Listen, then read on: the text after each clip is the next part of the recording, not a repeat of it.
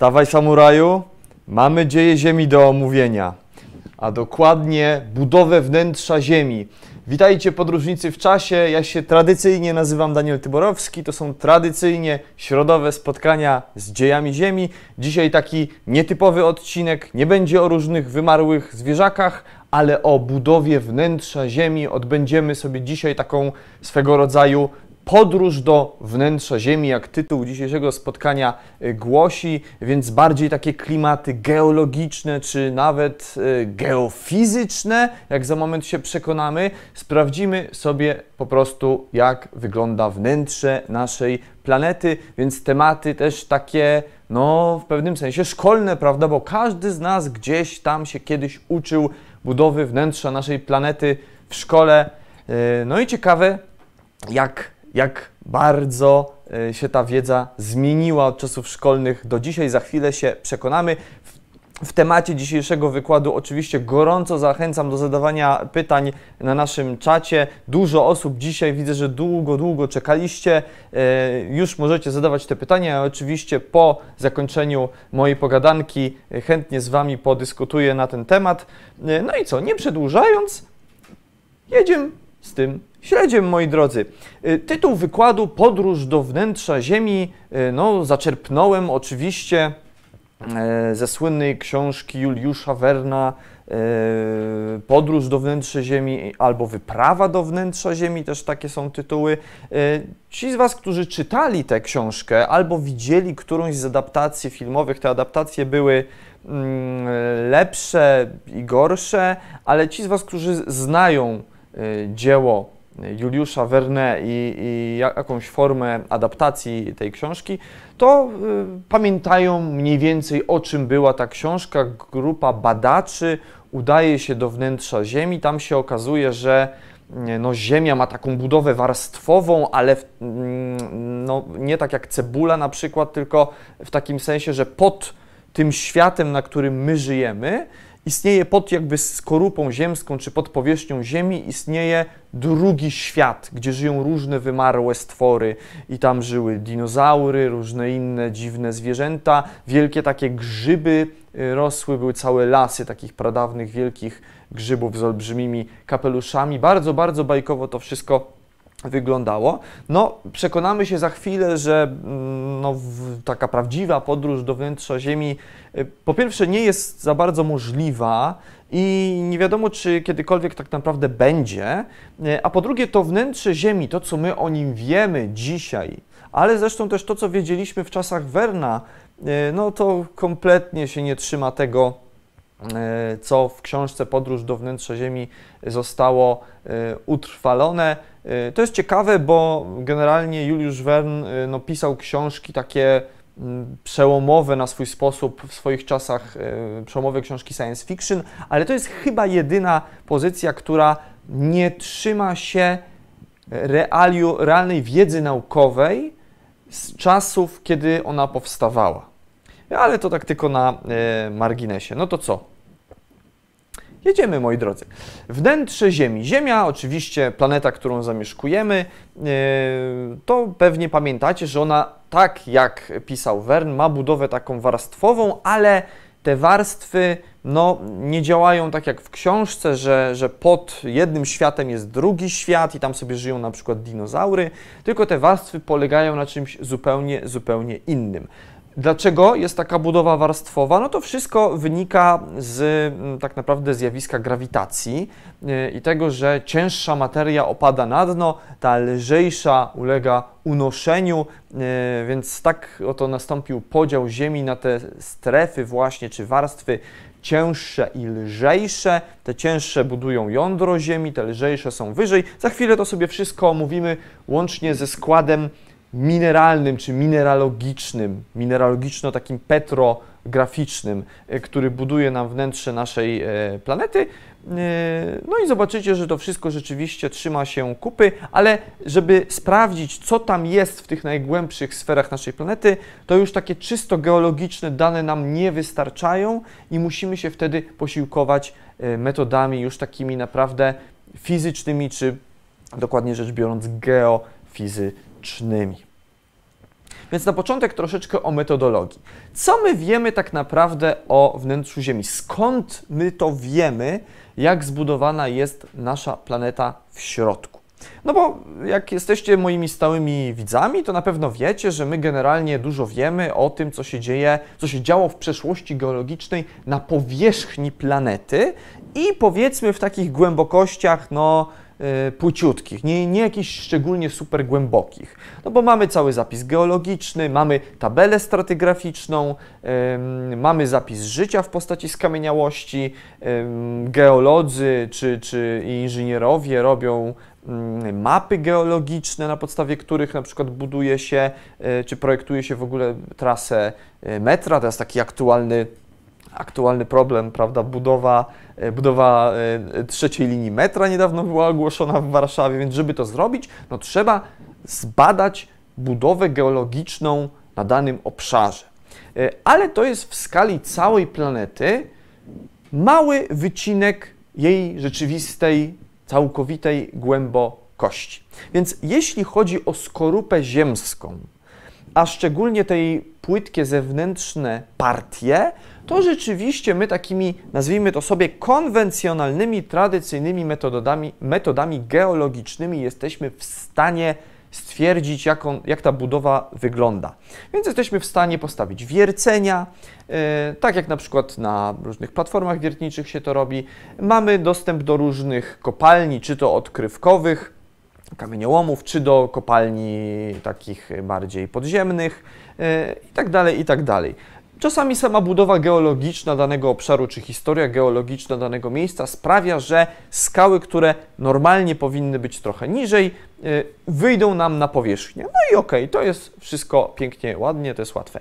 Ale co z tymi głębszymi strefami, które jak widzicie, no zajmują tak naprawdę lwią część objętości i masy naszej planety. Y, tutaj, żeby stwierdzić, co tam jest w środku, Potrzebujemy troszeczkę innych metod z zupełnie innych dziedzin. Tutaj wspomniana przeze mnie geofizyka, czyli takie mm, coś, co się znajduje na rubieżach nauk e, o Ziemi i nauk takich bardziej fizycznych, po prostu fizyki. E, stosuje się e, mm, na przykład badanie fal sejsmicznych. Czy to takich, które powstały naturalnie, kiedy mamy jakieś trzęsienie Ziemi i wtedy te fale rozchodzą się we wnętrzu naszej planety, czy jak za chwilę zobaczycie, można takie fale e, no, generować sztucznie. Tak czy inaczej, te fale różnie się rozchodzą, to na pewno z fizyki pamiętacie, w różnych ośrodkach. Zależnie od tego, czy dana substancja, w której taka fala sobie biegnie, jest ciałem stałym, cieczą czy gazem oraz w zależności od tego, no, jaki ma dokładnie skład, to znaczy jaka jest gęstość tego ośrodka, e, od tych właściwości fizycznych będzie zależała prędkość, z jaką te fale się przemieszczają. Więc my na podstawie tego, jaka jest prędkość takiej fali we wnętrzu Ziemi w danym miejscu, jesteśmy w stanie stwierdzić, jaka gęstość pasuje do tej prędkości, a co za tym idzie, z jakiej substancji jest zbudowana, zbudowane dane miejsce gdzieś tam, gdzieś tam głęboko. E, I tutaj co ciekawe, e, to już teraz Wam tak e, zatizuję, na końcu sobie do tego wrócimy, bo budowę Ziemi będziemy omawiali od zewnątrz do środka. Może to trochę nie tak nie E, nie, nie poprawnie, nie tak podręcznikowo, ale tak, tak sobie ułożyłem dzisiejszy wykład. E, ale to już teraz Wam zatizuję, że na przykład zewnętrzne jądro naszej planety wiemy, że jest płynne, jest cieczą. Moglibyście mnie teraz zapytać, a skąd my to wiemy? Przecież to jest tak głęboko, że w ogóle no my nie mamy żadnych, nie wiem, dowodów na powierzchni Ziemi, e, żadnych fizycznych skał czy czegoś takiego, co by pochodziło z jądra zewnętrznego. No wiemy to właśnie z badań geofizycznych, bo fale te sejsmiczne, one się dzielą na takie dwa główne typy. Tutaj bez już wchodzenia w szczegóły, czym one się różnią, generalnie są fale poprzeczne i podłużne. I co się okazuje? Fale poprzeczne rozchodzą się wyłącznie w ciałach stałych oraz w gazach. Nie rozchodzą się w cieczach a w jądrze zewnętrznym fale poprzeczne się właśnie nie rozchodzą. Stąd my wiemy, że jądro zewnętrzne Ziemi jest ciekłe. Jądro wewnętrzne już jest stałe. Z czego są zbudowane, to za chwileczkę sobie do tego przejdziemy. Więc tutaj już na początku wyjaśniam, jaka jest metodologia badania tych najbardziej wewnętrznych sfer e, naszej planety. Tak jak powiedziałem, my te fale sejsmiczne, te metody geofizyczne, możemy, jakby możemy te fale wytwarzać, to znaczy one mogą być przez nas generowane. Nie musimy czekać na to, aż dwie płyty tektoniczne się gdzieś tam zderzą e, w basenie Morza Śródziemnego czy, czy w Japonii i wtedy czekać, oczywiście tak się też robi i badacze wtedy mają e, swoje instrumenty rozmieszczone w takich newralgicznych punktach i czekają tylko na to naturalne trzęsienie, ale nie musimy na to czekać. Instaluje się czasem takie specjalne E, takie, takie geofony to się nazywa, urządzenia wbite w ziemię. E, potem się ze specjalnego takiego pojazdu emituje taką falę do wnętrza Ziemi i to te fale się odbijają od różnych warstw, od granic między warstwami we naszej planety, docierają do tych geofonów i mamy piękny obraz budowy geologicznej. Chociaż taka metoda rzeczywiście raczej też jest stosowana do tych płytszych stref do budowy skorupy ziemskiej, y, no to jest z punktu widzenia człowieka oczywiście również bardzo, bardzo głęboko, ale głównie, żeby zbadać no, budowę jądra na przykład, to te fale takie raczej, mm, raczej, raczej y, pochodzenia tego naturalnego właśnie się wykorzystuje. No i to jest ta budowa ziemi, którą e, pewnie znacie e, ze szkoły. Tutaj akurat powiedzmy no, od, od zewnątrz, tak? Powiedziałem, że od zewnątrz, to już się tego trzymajmy. Mamy od zewnątrz skorupę ziemską, ona gdzieś tam sięga do kilkudziesięciu kilometrów w głąb naszej planety. Tu jest napisane, że do 35. W tych, to jest taka powiedzmy średnia, do, w tych najgrubszych Y, partiach skorupy ziemskiej może sięgać nawet, znalazłem informację, że do 65 km. Poniżej mamy płaszcz ziemski, który, y, który no do, mm, do powiedzmy tych, tych prawie Mm, prawie, prawie 3000 km sięga. No i dalej jądro zewnętrzne, które jest płynne i jądro wewnętrzne, które jest już stałe. Tu się pojawia jeszcze jeden ważny termin, który też pewnie kojarzycie, czyli litosfera. Tu już jest taka definicja podana, że jest to skorupa ziemska i ta najbardziej zewnętrzna, tu jest napisane sztywna część górnego płaszcza, co to znaczy najwyższa, sztywna część górnego płaszcza. To za momencik e, Wam wyjaśnię, na razie w to nie wchodzimy, ale termin litosfera pewnie większość z Was gdzieś tam kojarzy. Gdzieś tam z zasłyszenia, e, czy nawet z lekcji geografii zawsze się mówiło o e, biosferze, atmosferze, hydrosferze i litosferze. Tu się okazuje, że litosfera to nie jest cała nasza planeta, ale pewien mały wycinek, skorupa i ta górna część górnego płaszcza, ta, ta sztywna część górnego płaszcza. O co chodzi z tą sztywnością? E, to też są pewne właściwości takie fizykochemiczne wnętrza Ziemi. To za chwilę sobie do tego przejdziemy. Więc tak to wygląda e, podręcznikowo. E, no jest coś takiego, co pewnie też ze szkoły kojarzycie, jak stopień geotermiczny. Tu jest pokazany taki ładny wykres pokazujący, jak ciśnienie i temperatura zmieniają się schodząc w dół naszej planety. E, tłumaczę mm, e, osie, mamy temperaturę i ciśnienie na osi poziomej, rosną ku prawej stronie. Głębokość oczywiście rośnie ku dołowi, więc jakby im niżej na tym obrazku, tym bardziej do samego środka Ziemi idziemy. Więc mamy na górze skorupę ziemską, płaszcz górny, płaszcz dolny, jądro zewnętrzne, wewnętrzne. No i widzimy, jak to się mniej więcej zmienia. No, generalnie jest taka tendencja, że im głębiej, tym rośnie i ciśnienie, i temperatura. Oczywiście, jak te funkcje się tu zmieniają, to widzimy, że to nie jest taka prosta, powiedzmy, funkcja no, taka liniowa, najprostsza, E, tylko jakieś tutaj inne. Ta temperatura to bardziej taką, nie wiem, hiperbolę nawet pewnie przypomina.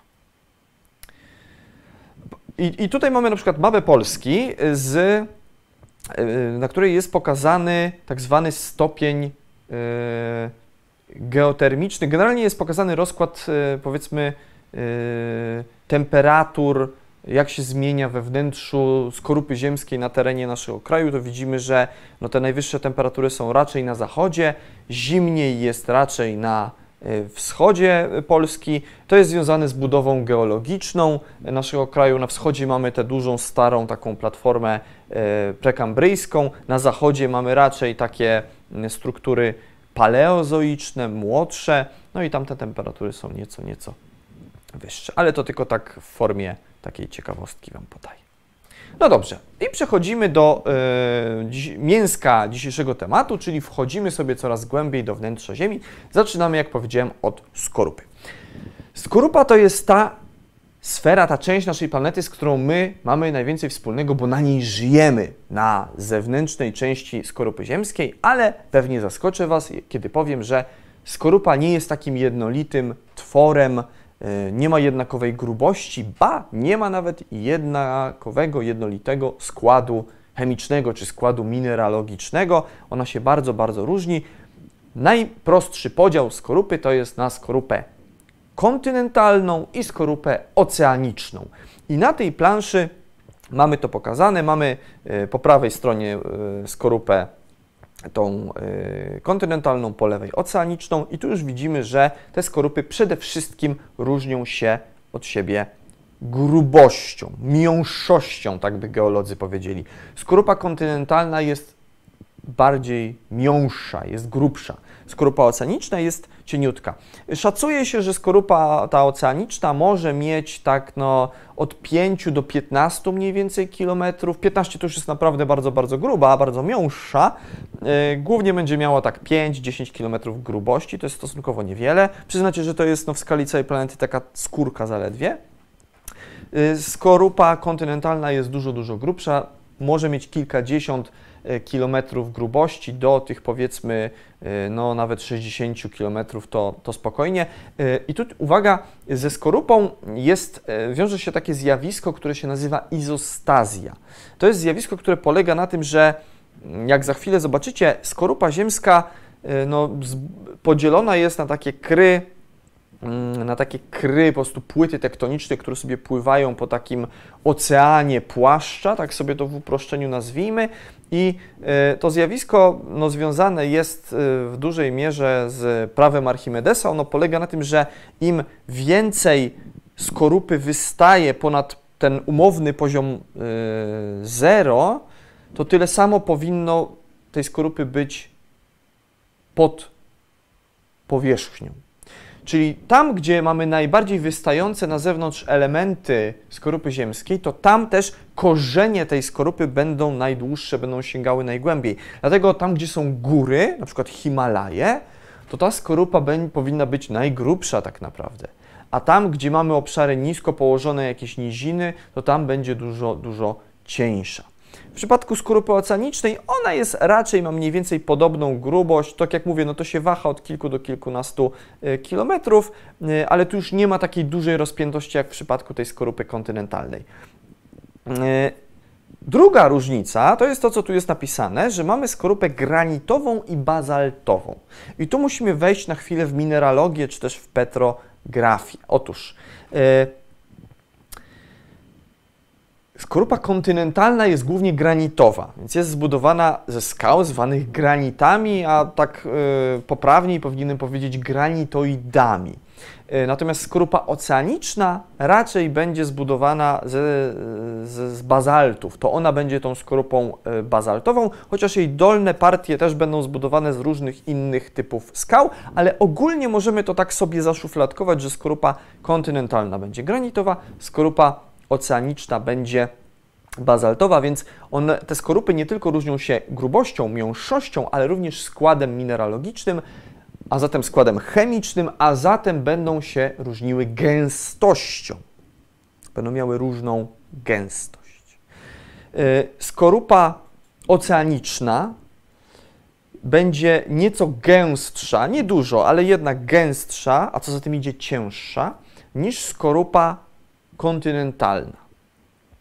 Więc y, jak za moment sobie dojdziemy do tektoniki płyt, mm, będzie to jakby jak kiedy one się ze sobą będą stykać, to nie pozostaną względem siebie tak y, w spokoju, tylko jedna będzie wnikała gdzieś pod inną. Już teraz możecie się domyślić, która pod którą, do tego sobie za moment wrócimy. I tu jeszcze na tej planszy, co jest, co jest e, warte zapamiętania. Mamy taki napis MOHO, to jest powierzchnia nieciągłości MOHO e, od nazwiska takiego geofizyka Mohorowiczicia. E, za chwilę sobie o nim też parę słów powiemy. No i pod tą powierzchnią MOHO mamy powiedzmy taki górny płaszcz, astenosferę, to jest ta najwyższa taka część właśnie płaszcza. Tu jest jeszcze tak napisane, że to jest warstwa perydotytowa. Ok, mamy te dwie skorupy. Skorupę mm, kontynentalną, y, skorupę, skorupę y, oceaniczną. No i powiedziałem, że kontynentalna jest zbudowana mm, zbudowana z tych granitoidów, jest granitowa, a oceaniczna jest właśnie bazaltowa. I tu macie porównanie tych dwóch typów skał. Wiecie, ze skałami zwykle jest tak, y, że z daleka jak się patrzy na kamieniołom, Mm, na dwa różne kamieniołomy, jakbyśmy patrzyli, to poza jakimiś naprawdę, naprawdę wyjątkami, gdzie te skały mają jakieś bardzo takie wyraźne barwy typu czerwone, intensywnie czerwone, no to z daleka ciężko jest oszacować, jaka to jest skała. I taki gra, granit może z daleka nawet przypominać niekiedy piaskowiec. To z daleka bardzo ciężko jest ocenić, nawet niekiedy ekspertom. Natomiast jak się weźmie dwa kawałki takiej skały i po prostu weźmie granit w jedną rękę, bazalt w drugą, no to już od razu widzimy, czym to się od siebie różni. Otóż granitoidy generalnie to są skały magmowe,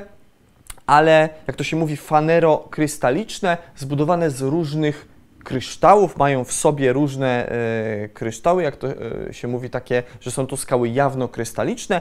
Więc granitoid no, wygląda tak, że mm, ma, zbudowany jest z takich ciapków. Każdy taki ciapek to jest inny minerał. Te jasne elementy to będzie kwarc, i w granitoidach jest dużo kwarcu, który jest generalnie minerałem jasnym. Ciemne to będą jakieś łyszczyki, tam będzie biotyt, tam będzie muskowit, tego typu minerały.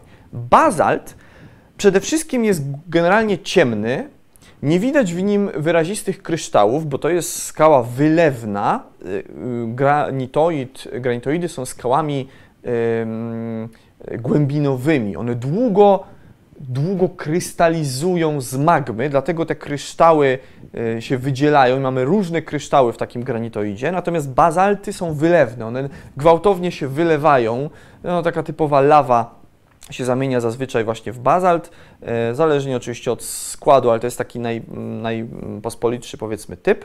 Mm, typ takiej lawy to jest lawa bazaltowa, więc tam nie ma czasu na krystalizację. Te minerały, kryształy nie mają czasu na to, żeby rosnąć, więc nie widzimy poszczególnych kryształów, i skład mineralogiczny jest również zupełnie inny. Bazalty są głównie z minerałów ciemnych zbudowane, dlatego ten bazalt tu przedstawiony jest taki no, czarno-ciem, czarno-ciemny, czarno-ciemno-szary.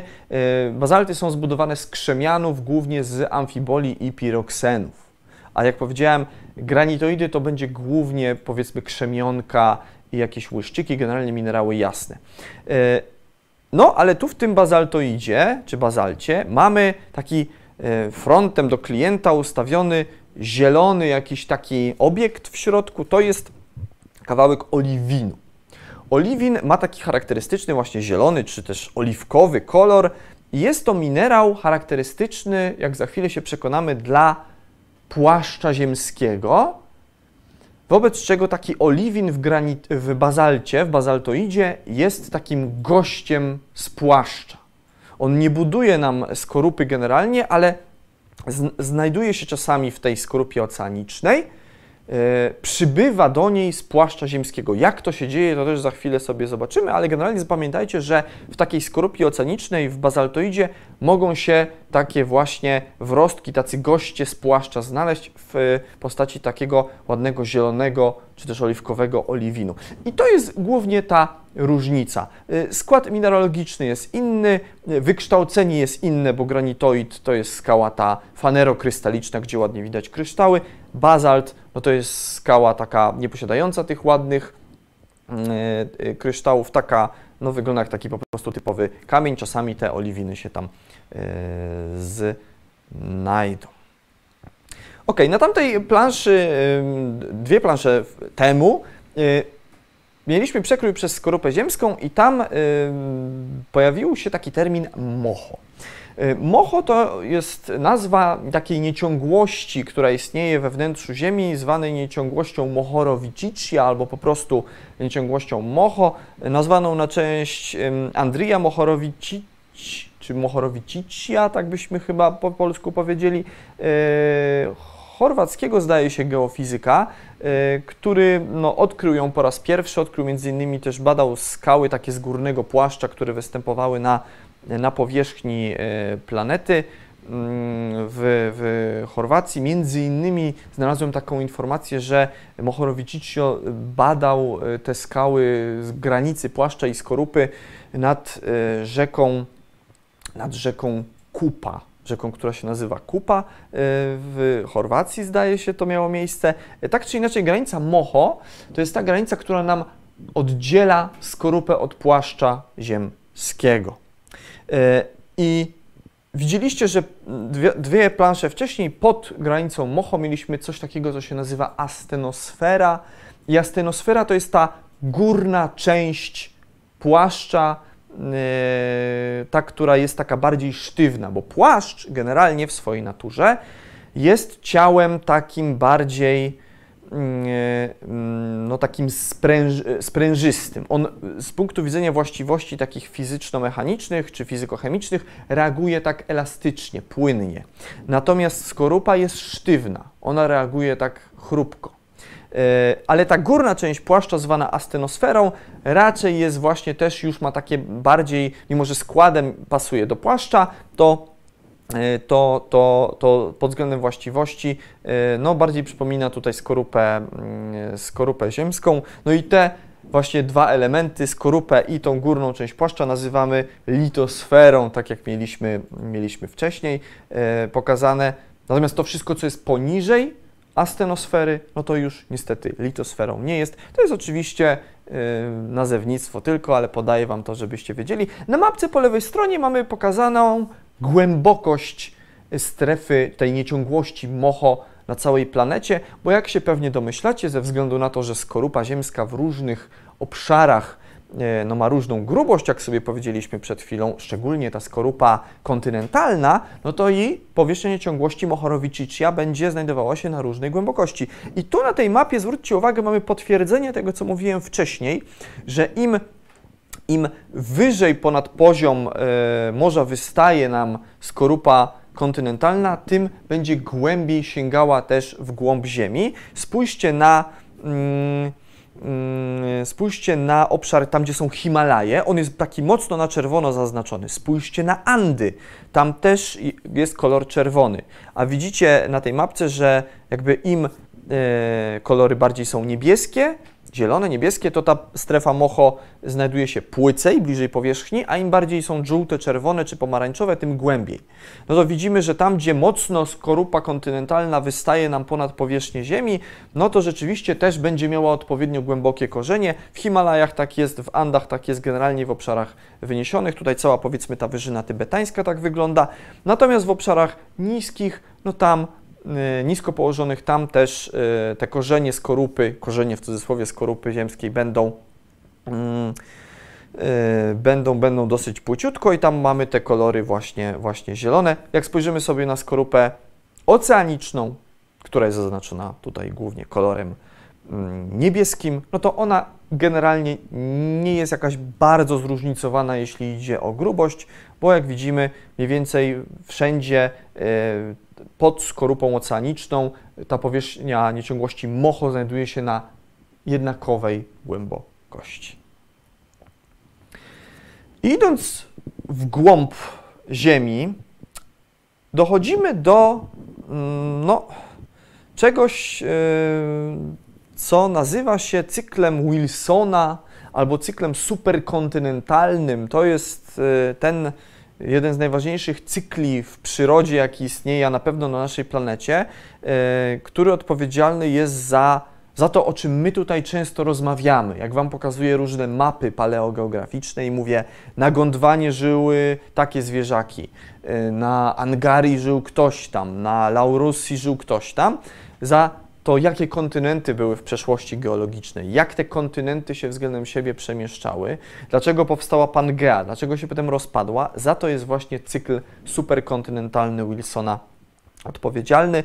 Y, tutaj te koncepcje stworzył y, taki geofizyk John Tuzo Wilson y, i ten cykl opowiada nam tak naprawdę całą sagę superkontynentów. W ogóle historię kontynentów, historię tak naprawdę skorupy ziemskiej, bo w ten cykl jest zaangażowana i skorupa kontynentalna, i skorupa oceaniczna. Na początku mamy sobie po prostu stabilny, jak to się mówi, kraton, fragment skorupy kontynentalnej. On zaczyna być w którymś momencie od spodu podgrzewany przez tak zwane hotspoty. Za chwilę sobie pokażemy takie hotspoty. Wtedy ta skorupa pęka, pojawia się skorupa nowa, skorupa yy, oceaniczna, powstaje ocean i te dwa podzielone fragmenty skorupy kontynentalnej odsuwają się względem siebie, by później w innych miejscach się zderzyć ze sobą albo z czymś yy, innym. Tutaj jest na tym jednym obrazku to wszystko, jak to z grubsza wygląda. Teraz sobie to omówimy. Więc kiedy omawiamy cykl Wilsona, no to nie sposób już nie zahaczyć o ten płaszcz. O skorupie sobie powiedzieliśmy, z czego jest głównie y, zbudowana i jakie ma właściwości, więc pokrótce o płaszczu. Płaszcz generalnie, jak powiedziałem wcześniej, ma raczej takie właściwości jak płyn on się zachowuje. To już nie jest taka sztywna struktura, wiecie, on nie jest zbudowany ze skał, takich jak my to rozumiemy, czyli tam nie ma ciał stałych, nie ma kryształów, to jest raczej coś w formie płynnej. To też nie jest ciecz, bo z fizykochemicznego punktu widzenia ciecz a płyn to jest troszeczkę co innego, ale na pewno jest to taka struktura, która zachowuje się bardziej plastycznie niż taka typowa skała, niż kawałek właśnie skorupy ziemskiej. I w płaszczu istnieją tak zwane komórki konwekcyjne. Płaszcz generalnie od jądra Ziemi jest podgrzewany e, i ze względu na te swoje plastyczne właściwości powstają w nim ruchy termiczne, te właśnie ruchy konwekcyjne. Te ruchy zamykają się w formie takich komórek, co jest ładnie pokazane e, na, na planszy po lewej stronie. E, I to jest mechanizm taki, który wszyscy na pewno znacie z życia codziennego, bo istnienie takich komórek konwekcyjnych występuje w najzwyklejszym w świecie garnku z wodą, kiedy podczas śniadania gotujemy sobie yy, na przykład jajka na śniadanie albo parówki rano, to ta woda jest podgrzewana i oczywiście yy, ciepło się unosi, ciepła woda idzie ku górze, ponieważ kiedy się materia rozgrzewa, to staje się rzadsza, więc staje się tym samym lżejsza, więc unosi się, tam się ochładza, jak się ochładza, to się staje gęstsza, a zatem cięższa i opada. I potem znowu na dole się podgrzewa i unosi i tak dalej e, w koło Macieju, mm, czy tam dookoła Wojtek, jak to woli. Więc niezależnie czy mówimy o garnku z wodą, gdzie gotujemy wodę na, na, na, na gdzie gotujemy sobie parówki czy jajka, czy o płaszczu ziemskim głęboko, głęboko pod nami, to z fizycznego punktu widzenia to jest ten sam proces konwekcja, najzwyklejsza w świecie konwekcja, czyli unoszenie ciepła.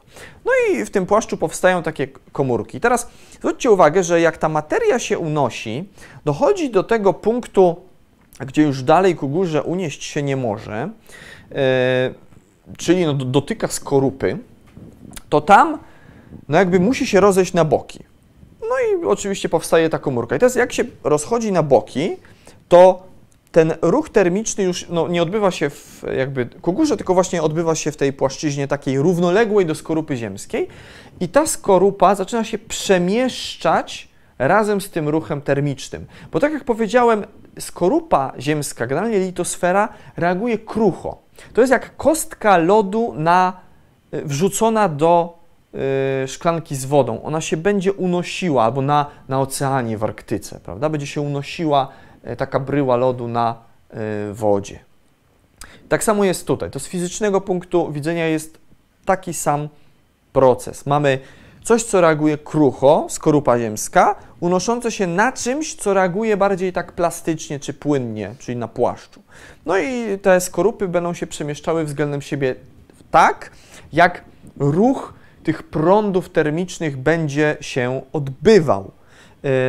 I z tego wynika generalnie ruch ruch skorupy ziemskiej względem siebie, to, że pękają kontynenty i powstają nowe. Zobaczmy, jak to wygląda tak o, na, na takim schematycznym przekroju. Zobaczcie, mamy e, na górze mamy prawda, skorupę ziemską, poniżej mamy płaszcz, a na samym dole widzimy już fragment jądra ziemskiego, który nam podgrzewa ten płaszcz. To ciepło się z jądra unosi. To jest oczywiście taka artystyczna wizja, ale myślę, że... Mm, o, że dość dobrze obrazująca, jak, jak ten proces wygląda. Ta materia się podgrzewa, tutaj to jest tak pokazane, jakby ta materia płaszcza tak, e, że ona tak bulgoce właśnie, jak woda, woda w, e, w garnku. Podgrzewa się, unosi, dochodzi do skorupy ziemskiej i uchodzi na boki. I teraz zwróćcie uwagę, tam gdzie ona dojdzie do tej skorupy, tam ta skorupa pęka. Powstaje tak zwany hot spot. Hotspot, czyli no taka, taki gorący punkt, gorące miejsce, bo to ciepło po prostu uderza nam o tę skorupę. E, no oczywiście już nie jest aż tak ciepło jak na dole tego płaszcza, ale ciągle są to wysokie, bardzo wysokie temperatury. I ta podgrzana materia sprawia, że skorupa nam pęka. E, pęka w tym miejscu, ale z kolei ten ruch termiczny, bo teraz ta, ta ciepła materia rozchodzi nam się na boki, sprawia, że ta skorupa musi iść jest ciągnięta przez tę rozgrzaną materię płaszcza. Więc ta skorupa nie dość, że pękła nam w środku, to jeszcze ona się będzie rozchodziła w różne strony, w przeciwległe strony. Y, I to jest podstawa powstawania y, oceanów, podstawa tego, jak, jak nam pękają kontynenty, co się z nimi dzieje, jak to się w ogóle dzieje, że taki, taka Pangea się zaczęła rozpadać. No nagle w którymś miejscu znalazł się taki właśnie hotspot. E, znalazł się hotspot, taki pióropusz rozgrzanej materii z płaszcza i on sprawił, że, ta, że Pangea zaczęła pękać. Czy jakikolwiek inny kontynent, który zaczął się kiedykolwiek w przeszłości geologicznej rozrywać, to właśnie się zaczyna od czegoś takiego. I teraz zwróćcie uwagę, ta rozgrzana materia, która sobie idzie na boki, a za sobą ciągnie na górze, za sobą tę kruchą, plastyczna materia płaszcza ciągnie na, na, sobie tą kruchą e, skorupę, w końcu napotka jakąś inną skorupę mm, kontynentalną, która gdzieś tam będzie. I teraz ta skorupa jedna, jak się zderzy z drugą, to musi zostać skonsumowana. To jest taki termin łączący geologię z gastronomią. Jedna skorupa jest skonsumowana przez drugą. I to widzimy po lewej stronie tego obrazka. Tam jedna skorupa nam wjeżdża pod drugą. Y, no jak mamy dwa rodzaje skorupy, kontynentalną i oceaniczną, one się zderzą. O skorupie już sobie powiedzieliśmy, no to która wej wjedzie pod którą? Oczywiście oceaniczna wjedzie pod kontynentalną, bo kontynentalna jest dużo grubsza i jest lżejsza, bo ma inny skład, jest mniej, mniej gęsta. E, ma inny skład taki mineralno-petrologiczny, a ta, która jest bardziej gęsta, przez co cięższa, no to będzie upadała ku dołowi, więc jak się zderzą, no to ta oceaniczna wjeżdża. Oceaniczna skropa bazaltowa wjeżdża pod kontynentalną granitową, czy granitoidową. Tam jest przetapiana, po prostu najzwyczajniej w świecie w tym gorącym płaszczu się przetapia. E, I ta materia, z której jest, była zbudowana, ona jest wytapiana później w, e, na zewnątrz w postaci wulkanizmu, powstają jakieś łuki wysp, dlatego przeważnie tam, gdzie mamy taką sytuację, że właśnie skorupa oceaniczna wjeżdża pod kontynentalną, to na krawędzi tej skorupy kontynentalnej, która się znajduje dokładnie nad tym miejscem, gdzie nam wjechała skorupa oceaniczna, powstaje jakiś łańcuch wulkaniczny i ta materia, która była przetopiona we wnętrzu, może sobie wytryskać e, za przeproszeniem właśnie e, przez, przez, ten, przez te wulkany. No tak jest na przykład e, w Ameryce Południowej, mm, tak jest w ogóle dookoła Pacyfiku. Kojarzycie ten pierścień ognia, pacyficzny pierścień ognia. Azja, Ameryka Północna i, i Ameryka Południowa no, Pacyfik nam sobie wjeżdża pod, pod e, płyta pacyficzna nam wjeżdża pod płytę północnoamerykańską, no i mamy, e, no i mamy właśnie tego typu zjawiska, czy też pod płytę, pod płytę e, euroazjatycką na przykład. Tu jest to pokazane jeszcze w formie takiego mm, gifu takiego schematu. To jest taki już schematyczny przekrój. To jest dokładnie to, co powiedziałem. Mamy ten hotspot z płaszcza, yy, tutaj podpisany jako, yy, no że tutaj taki piorupusz właśnie magmy idzie. Pęka nam ta skorupa, ona się przemieszcza oczywiście zgodnie z ruchem tym termicznym i jedna płyta wjeżdża pod drugą, oceaniczna wjeżdża pod e, kontynentalną, no tam jest przetapiana i z tego przetapiania materia idzie ku górze i mamy wulkanizm. I teraz to miejsce, gdzie mamy ten pióropusz płaszcza i gdzie pęka nam skorupa, i gdzie jest budowana nowa ta skorupa y, oceaniczna, to są tak zwane strefy spreadingu, spreading. A tam, gdzie nam ta skorupa wjeżdża pod oceaniczna wjeżdża pod skorupę kontynentalną, to jest tak zwana subdukcja. Czyli mamy dwa elementarne zjawiska. Mamy spreading i subdukcję. Jak się pewnie łatwo domyślić, te zjawiska nie mają y, równego tempa. Skorupa, y, y, tempo subdukcji jest przeważnie większe niż tempo spreadingu. Dlatego też kontynenty się potem ze sobą zderzają często. No bo ta, jakby szybciej ta skorupa wnika nam pod oceaniczna, pod kontynentalną, niż jest produkowana z drugiej strony. Więc ten ocean będzie się w końcu kurczył i kurczył w którymś miejscu. E, najpierw będzie rósł, tak jak Atlantyk nam teraz rośnie, ale w końcu zacznie być też konsumowany. Y, więc mamy spreading i subdukcję. Tempo tejże subdukcji jest generalnie, generalnie większe. Ok, tak to wygląda mm, w przypadku dna atlantyckiego. To jest dokładnie ta strefa, na środku mamy strefę tego spreadingu, powstaje tam nowa mm, skorupa ziemska, skorupa oceaniczna, no i na dnie Atlantyku mamy tego typu takie ładne bruzdy, takie, mm, takie się tworzą e, e, no, ślady. Ta skorupa no, jest właśnie, ona jest lekko wy, wypukła, bo ten pióropusz płaszcza sprawia, że ta skorupa też się unosi lekko, co nawet jest ładnie oddane tak morfologicznie na tym obrazku, e, czy topograficznie.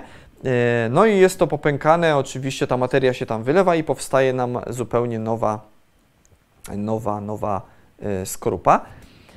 Niektórzy z Was pewnie już zauważyli, że na tej trasie, gdzie powstaje nam Atlantyk, znajduje się pewna charakterystyczna wyspa, a mianowicie Islandia. Islandia no, przebiega, tu mamy to po lewej stronie zaznaczone, właśnie przez tą strefę spreadingu, gdzie nam się ta nowa skorupa buduje. E, I dlatego Islandię uznaje się za model takiego pierwotnego kontynentu, takiego protokontynentu. Sądzi się, że Islandia, je, że tak jak Islandia dużo nam mówi o tym, jak powstawały pierwotne kontynenty, kiedy formowała się w ogóle skorupa ziemska, kiedy skorupa ziemska jako twór geologiczny w ogóle powstała. Hmm ponieważ właśnie Islandia jest takim tworem, który powstał w skali geologicznej stosunkowo niedawno.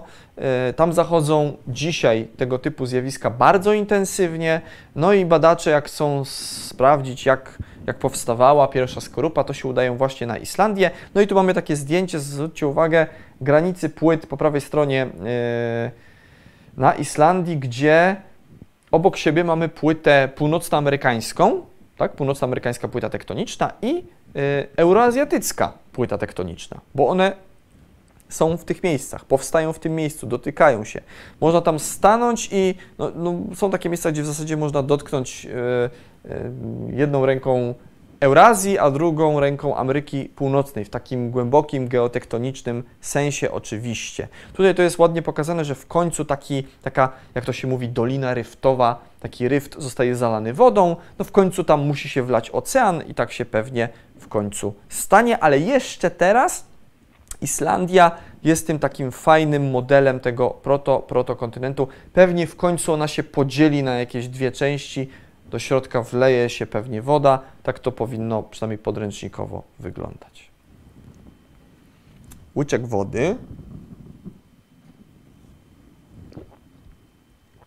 Ciekawa rzecz z tymi strefami spreadingu jest taka, że jak powstaje nam nowa skorupa, no i oczywiście rozchodzi się na obie strony, y, to łatwo się domyślić, że w tych najbardziej oddalonych od siebie punktach Atlantyku, czyli te punkty załóżmy najbliżej e, Europy, przy, przy, brzegu Europy i przy brzegu Ameryki Północnej, albo przy brzegu Afryki i przy brzegu Ameryki Południowej, to są te najstarsze fragmenty dna atlantyckiego, skorupy mm, oceanicznej Atlan, e, Oceanu Atlantyckiego. A najmłodsza część Atlantyku jest na środku, no bo tam jest ten hotspot.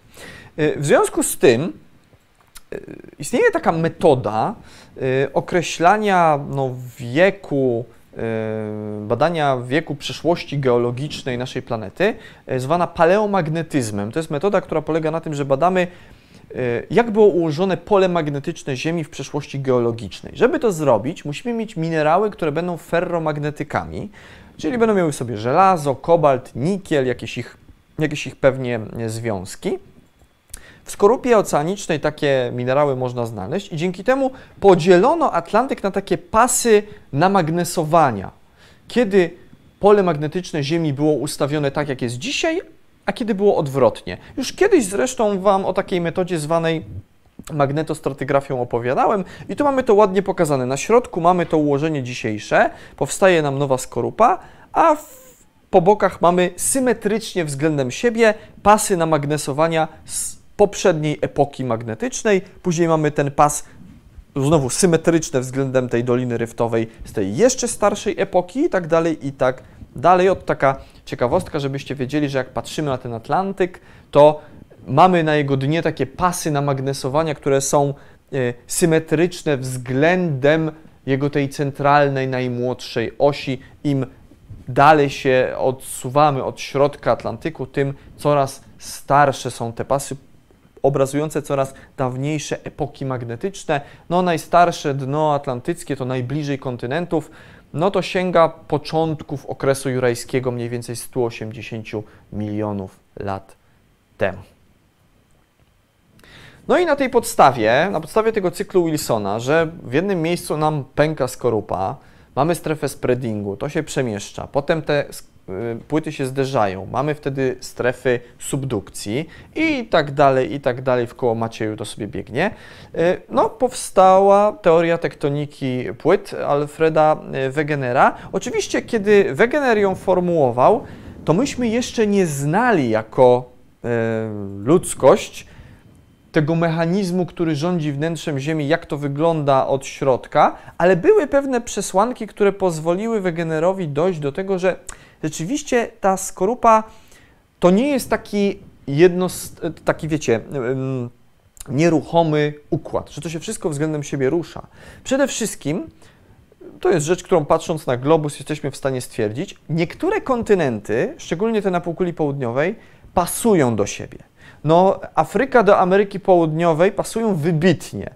E, jak za chwilę zobaczycie, jak tam się popracuje, to, to Indie można tam wsadzić, bo Indie to już moi e, stali słuchacze na pewno wiedzą, że Indie też były kiedyś częścią e, tych lądów południowych, Australia tam pasuje, Antarktyda, to wszystko ze sobą się jakoś łączy. Mamy coś takiego jak kontynuację pasm fałdowych, na przykład Apalachy w Ameryce Północnej mają kontynuację w postaci pasm z orogenezy kaledońskiej w Europie.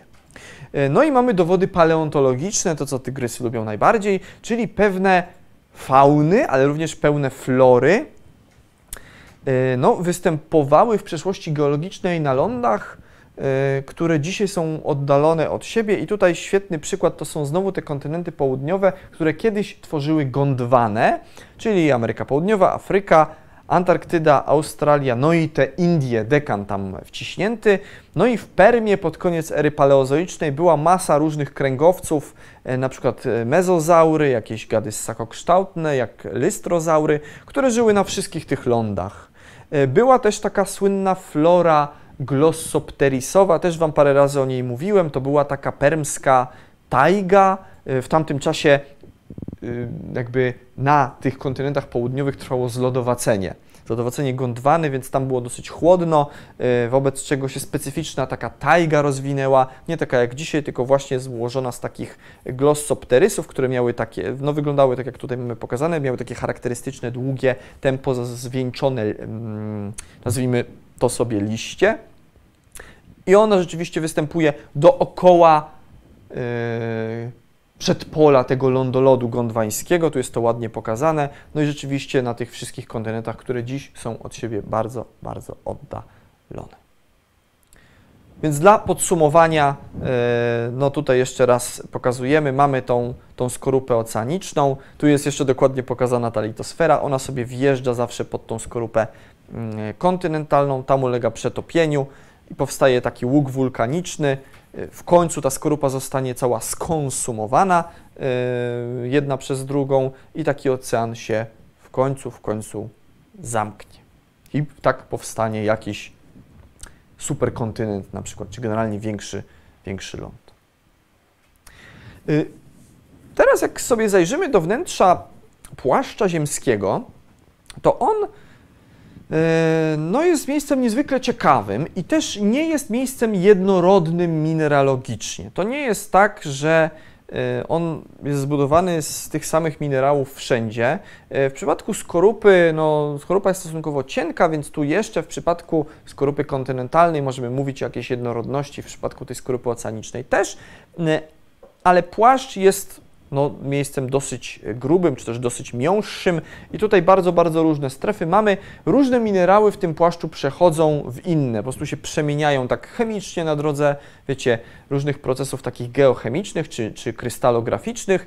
Głównie płaszcz jest krzemianowy. Zbudowany jest z krzemianów, głównie to będą oliwiny i pirokseny, ale również i perowskity. Na górze będą dominowały oliwiny. I tutaj mamy pokazany ładny taki zielony oliwin. Stąd właśnie czasami w skorupie oceanicznej, w tych skałach bazaltowych znajdą się te, ci goście z płaszcza. Czasami jakiś, jakiś fragment takiego oliwinu trafi nam do tej skorupy oceanicznej, bo to wszystko się tam ze sobą styka. Ale poniżej to przechodzi w różne inne śmieszne minerały. To są wszystko krzemiany. Oliwiny, pirokseny to są krzemiany. Tutaj mamy takie minerały jak wacleit, no i mamy, mamy na, w dolnym płaszczu perowskit, a tak naprawdę całą rodzinę perowskitów. E, perowskity mogą, mm, one mogą Wam się kojarzyć tak e, może mniej z wnętrzem Ziemi, a bardziej z nowymi technologiami nawet, bo swego czasu, nie wiem czy wiecie, ale no, e, no to nawet Polacy opracowali e, tutaj takie różne technologie związane właśnie z perowskitami, ale to, to nie chodzi o dokładnie takie perowskity jak te we wnętrzu Ziemi, ale krystalograficznie jest to dosyć do siebie zbliżone. Tak czy inaczej, dolny płaszcz ma strukturę właśnie, właśnie takiego, takiego perowskitu. Więc płaszcz generalnie z bardzo różnych minerałów, one mogą jedne w drugie przechodzić. No i dochodzimy do jądra Ziemi, miejsca najbardziej enigmatycznego. Najpierw jądro zewnętrzne. E, otóż e, to już Wam zdradziłem na początku, zaspoilerowałem, że jądro zewnętrzne jest ciekłe. Wiemy to na podstawie tych fal rozchodzących się we wnętrzu Ziemi, że e, no, fale poprzeczne się w cieczach nie rozchodzą, no to, no to musi być ciekłe. Na podstawie tych fal jesteśmy w stanie też stwierdzić, jaką gęstość ma dany ośrodek, przez który taka fala przechodzi, bo to łatwo z wzorów fizycznych z prędkości na gęstość przeliczyć. No i wiemy, że generalnie jądro, jądro i zewnętrzne, i wewnętrzne jest zbudowane z mm, żelaza i niklu. To jest mieszanina żelaza i niklu. Są różne hipotezy na ten temat, jak to dokładnie wygląda. Generalnie wiemy, że jądro wewnętrzne jest stałe, są takie koncepcje, że jądro wewnętrzne, były takie koncepcje, że może być takim jednym wielkim monokryształem, monokryształem żelaza po prostu, bo ono wykazuje pewną, jak to się mówi e, brzydko, anizotropię, e, czyli nie, do, nie jest tak, że w każdym kierunku to jądro wewnętrzne ma podobne właściwości fizyczne, nie. E, mm, natomiast wiemy na pewno, że jest stałe, jądro zewnętrzne jest ciekłe, I teraz, e, co ciekawe, z racji, że to jest zbudowane z żelaza, niklu, więc no, e, pierwiastków, które są ferromagnetykami, to sądzi się, że właśnie jądro ziemskie wytwarza naszą magnetosferę wokół Ziemi. E, jak to się dzieje? No dzieje się tak, o tu mamy pokazane linie sił pola magnetycznego wokół naszej planety, e, że generalnie w jądrze zewnętrznym działają silne prądy elektryczne. To jest, to, to jest też taki materiał, który ma duże, mm, ma duże e, takie właściwości związane z przewodnictwem elektrycznym.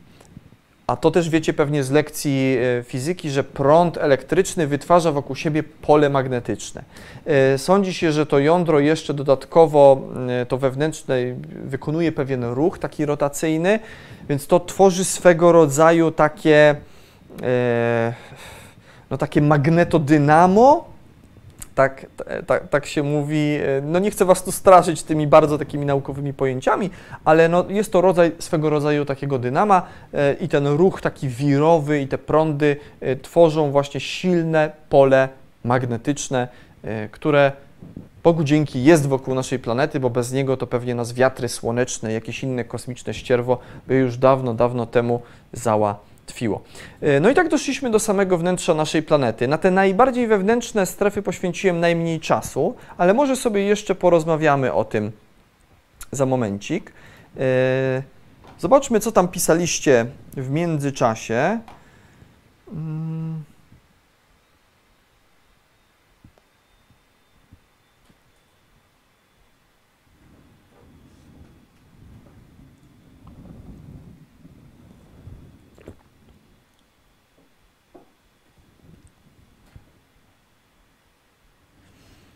Uderzenie po jednej stronie kuli ziemskiej mogło skupić ogromną energię po drugiej stronie globu, co doprowadziło do wystąpienia pewnego rodzaju wulkanizmu w regionie obecnej Syberii. Hmm, oglądałem kiedyś taki dokument, gdzie postawiono taką teorię. Jakie jest Pana zdanie na ten temat? Y, tutaj, jak y, się domyślam, chodzi o te słynne trapy y, syberyjskie, które, które miałyby się przyczynić między innymi, czy miały mieć miejsce w czasie wymierania permskiego. Kojarzę te koncepcje, tak, wiem, że jest taka koncepcja. Przyznam się, że nie śledziłem tutaj dokładnie, jak to się dalej e, rozwijało. Wiem, że są te różne kratery, takie właśnie permskie, gdzieś tam datowane na, w okolicach tego wymierania permskiego. Czy takie uderzenie, wyobraźmy sobie wielki bolid, uderza w ziemię i to rzeczywiście może po drugiej stronie spowodować nam silny wulkanizm? Nie jestem pewien do końca. Nie, nie, nie, nie, nie, chyba bym się tego tak e, nie ufał temu za bardzo.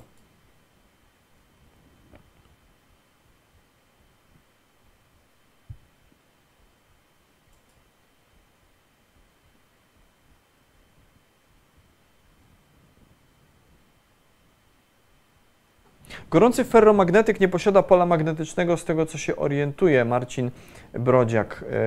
E, słusznie zauważa, tak, ja też kojarzę, że rzeczywiście e, z właściwości fizykochemicznych tak by wynikało. E, I wiem, że są takie geofizycy, robią takie modele.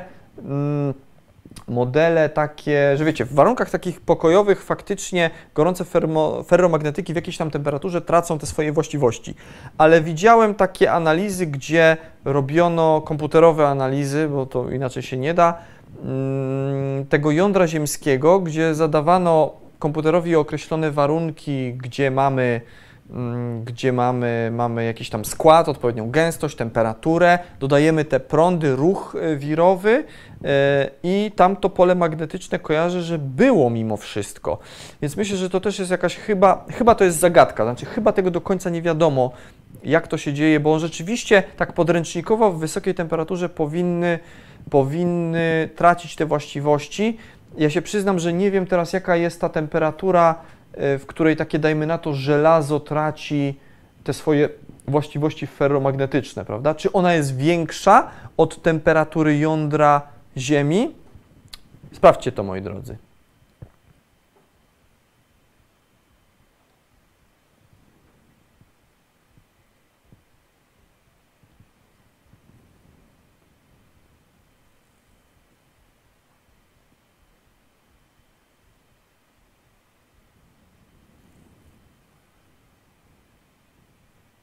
Do jakiej głębokości mogą dotrzeć e, fale sejsmiczne? Andrzej Piela. One generalnie się rozchodzą w całym wnętrzu Ziemi, uginają się na tych granicach różnych, czyli jak mamy granicę skorupa, płaszcz, płaszcz, jądro zewnętrzne, jądro zewnętrzne, jądro wewnętrzne, to one się uginają, tak jak pokazałem na jednym z pierwszych yy, yy, przeźroczy.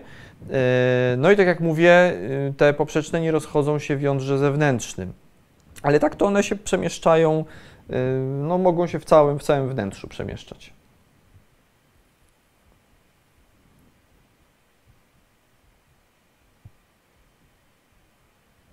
Ale dlaczego rośliny azjatyckie są bardziej podobne yy, bardziej podobne yy, niż do azjatyckie do afrykańskich, że azjatyckie do afrykańskich bardziej podobne, tak? Yy, no tak, tylko że pani Krystyno, to się tyczy pewnie takich całkowicie współczesnych roślin. A pamiętajmy, że rozpad Pangei czy rozpad Gondwany no miał miejsce, powiedzmy zaczęło się to rozpadać, Pangea ogólnie 180 milionów lat temu, Gondwana się rozpadła no gdzieś tam w Kredzie, te kilkadziesiąt milionów lat temu. Czyli mamy jeszcze kilkadziesiąt milionów lat późniejszej historii, gdzie flora, storczyki i inne mogły eksplorować różne lądy. E, więc to jest, to już nam ta późniejsza historia zaciera późniejsza flora zaciera nam tę te, te, te starszą florę, a jeżeli mówimy o tych permskich skamieniałościach, wtedy kiedy jeszcze Gondwana istniała, no to tutaj jednoznacznie te podobieństwa są dużo, dużo bliższe w obrębie tych kontynentów południowych niż na przykład flory afrykańskiej z europejską.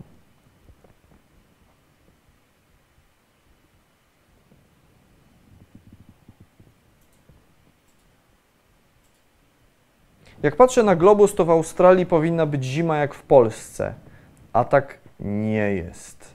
No to zależy gdzie w Australii, e, drogi Marcinie, e, bo wiesz, Australia jest kontynentem dosyć jednak rozległym, to znaczy osiąga od równika do takich stref, no okolice Adelaidy, to, to w zasadzie tam e, nie są takie super ciepłe temperatury i tam zimno potrafi być.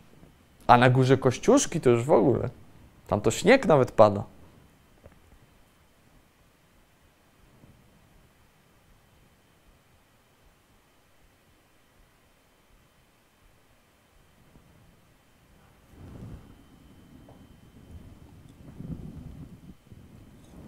Teraz wschodnia Afryka oddziela się od reszty kontynentu. Wielki rów afrykański to początek nowego oceanu. Y, Marco Marcus. Tak, dokładnie tak. Rzeczywiście wielkie te rowy afrykańskie, wielkie ryfty Afryki, jak to się mówi, y, czyli mniej więcej obszar, jak spojrzycie na mapę Afryki, tak od północy ku południu patrząc, okolice, y, tam Etiopia, te, te, te regiony, tak to mniej więcej w tym miejscu pęka ku południu. Rzeczywiście tam pod tą częścią skorupy no, musi się znajdować po prostu taki hotspot, który nam rozgrzewa te tę skorupę i rzeczywiście ta Afryka tam pęka. Y, Madagaskar się też tak od, od y, separował wcześniej. No jeszcze wcześniej, jakby nie patrząc, z tego samego punktu odseparował się właśnie Półwysep Dekan, który był przytwierdzony mniej więcej do tej wschodniej Afryki, kiedy jeszcze Gondwana istniała.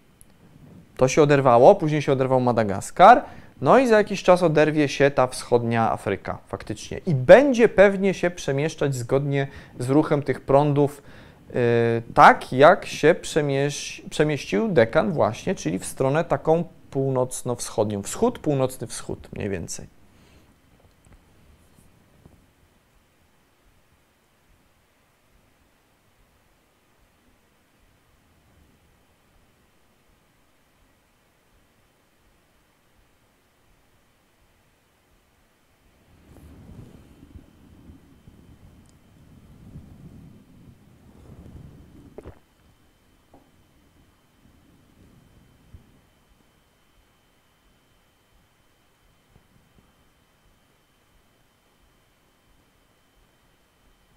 Czy powstanie bazaltowych trapów syberyjskich pod koniec Permu jest związane z hotspotem?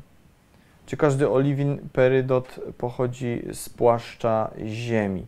Yy, drugie pytanie tak. Yy, pierwsze, czy, czy te trapy syberyjskie są związane z hotspotem? Yy, trapy syberyjskie. Mm, drogi Jakubie, myślę, że tak. To znaczy, teoretycznie powinien tam być hotspot w tym miejscu. No nie powstała tam potem z tego żadna dolina ryftowa większa, yy, ale raczej tak, tam powinien być hotspot i dlatego miał miejsce tam wulkanizm. Wiecie, no te płyty się dalej przemieszczają względem siebie i tam akurat mógł, mogło to dalej się nie rozwinąć, nie pęknąć tak, tak intensywnie.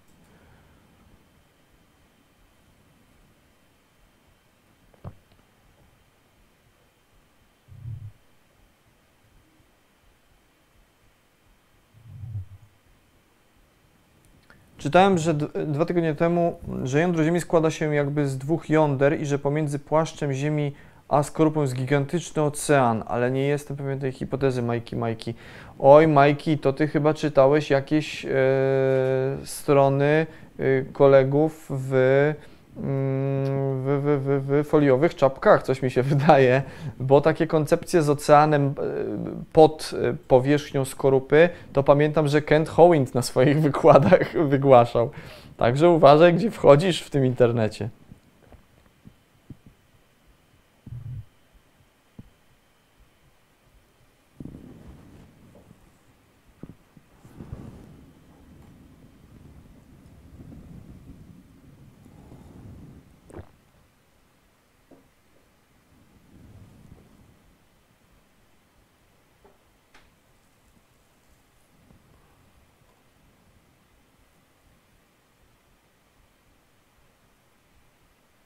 Tutaj Ewa mm, Marczewska widzę fajnie na czacie wyjaśniła, czym się różnią fale poprzeczne od podłużnych. E, ja nigdy nie jestem w stanie zapamiętać, czym one się względem siebie różnią, ale tu macie taką fajną, e, no po prostu definicję taką szkolną, że rzeczywiście mm, fale drgają prostopadle do kierunku rozchodzenia się fali, to jest fala poprzeczna, e, i, mm, a jak drgają wzdłuż kierunku rozchodzenia się, to jest podłużna. Prosta sprawa. Ja to pewnie za tydzień i tak zapomnę.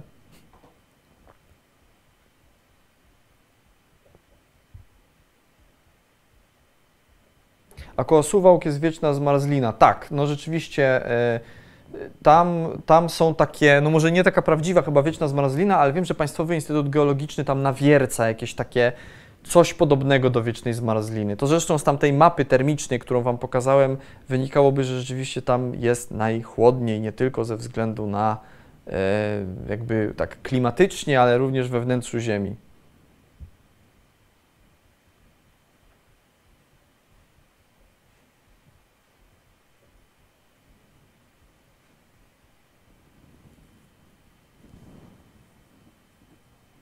Dlaczego akurat wyznaczamy w danym miejscu granicę między płaszczem a jądrem zewnętrznym? Fizycznie i chemicznie czym się różnią, czy to po prostu czysto techniczna granica arcymocarz?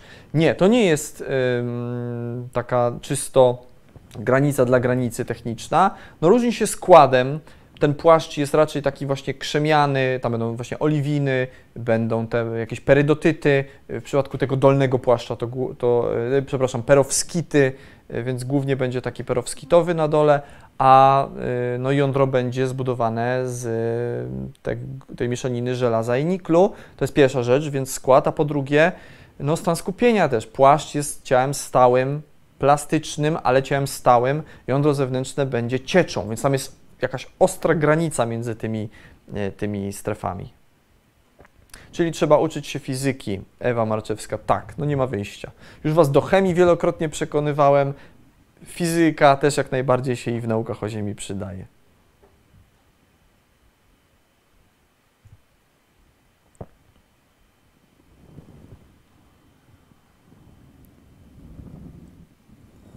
Wczoraj minęło 20 lat od premiery Gotyczka. Świętował Pan potrawkę z chrząszcza. Nie, nie. Jeżeli chodzi o tą grę Gothic, bo tak e, e, domyślam się, że o to chodzi, to, to, to nie, nie. Ja w sumie, w sumie nie grałem chyba nigdy. Sorry. No dobrze, zjedziemy jeszcze na dół. Mamy 16 po. Zobaczymy, co tu jeszcze najnowsze komenty.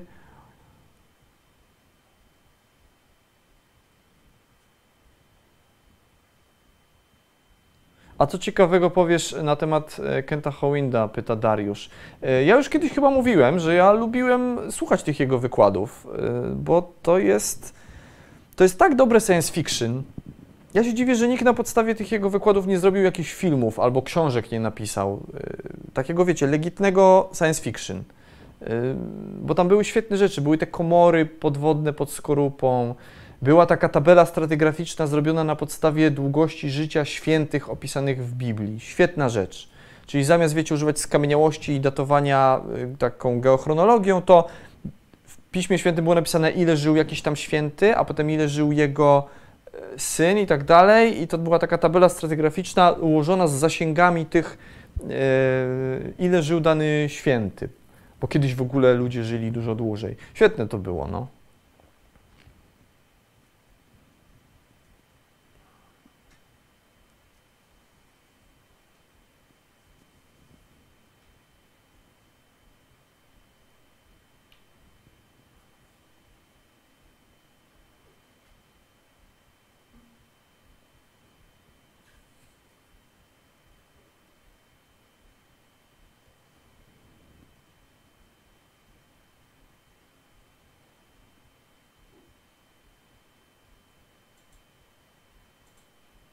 O, dzięki ryftowi afrykańskiemu powstały wodospady Wiktorii. Tak, faktycznie, rzeczywiście. To jest słynne, słynne wodospady Wiktorii.